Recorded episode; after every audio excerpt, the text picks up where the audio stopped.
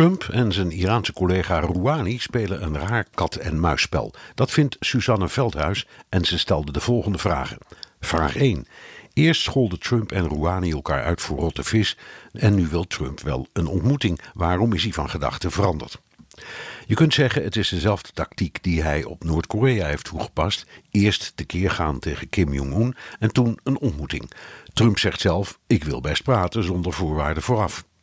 Het kan ook zijn dat hij Iran in een hoek wil manoeuvreren.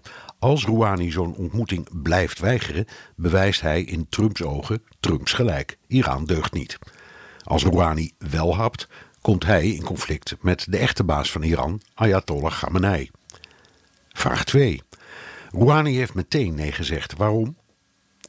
Hij heeft een goed argument. Eerst moet Amerika het besluit om uit de Iran-deal te stappen terugdraaien. Want waarom zou ik met een land praten dat zo onbetrouwbaar is dat het uit een internationale overeenkomst stapt?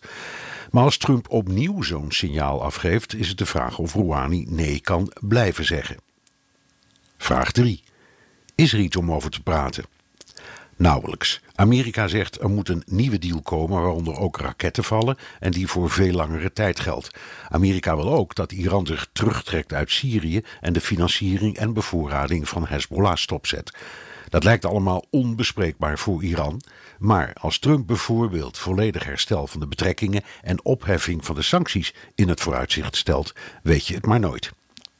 Vraag 4. Hoe denkt het Iraanse volk erover?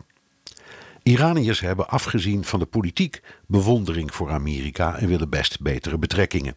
Onder sommige jongeren leeft de gedachte dat de driftkikker Trump de juiste man is om de bejaarde club die het land regeert op de knieën te krijgen.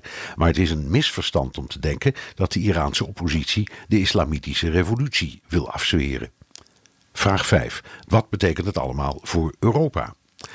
Europa deelt de Iraanse verontwaardiging over het afbreken van de nucleaire overeenkomst. Maar wat de Iraanse invloed in Syrië en de steun aan Hezbollah betreft, zijn de meeste EU-landen het met Trump eens. Wat dat betreft was die opening van Trump al dan niet gemeend best een handige zet. Europa draait nu toch een beetje in zijn richting. Dank, Suzanne Veldhuis. In de wereld volgens Hammelburg beantwoord ik elke zaterdag vijf vragen over een internationaal thema. Hebt u een onderwerp? Stuur dan een mail naar onlineredactie.bnr.nl. Bij BNR ben je altijd als eerste op de hoogte van het laatste nieuws. Luister dagelijks live via internet. Jelle Maasbach. Wesley Weert. We zijn er voor je met het leukste, opvallendste, maar natuurlijk ook het belangrijkste nieuws. Tijdens de presentatie van die halfjaarcijfers toen die beurskoers in elkaar kukkelde. BNR Beurs. Voor de slimme belegger. Blijf scherp en mis niets.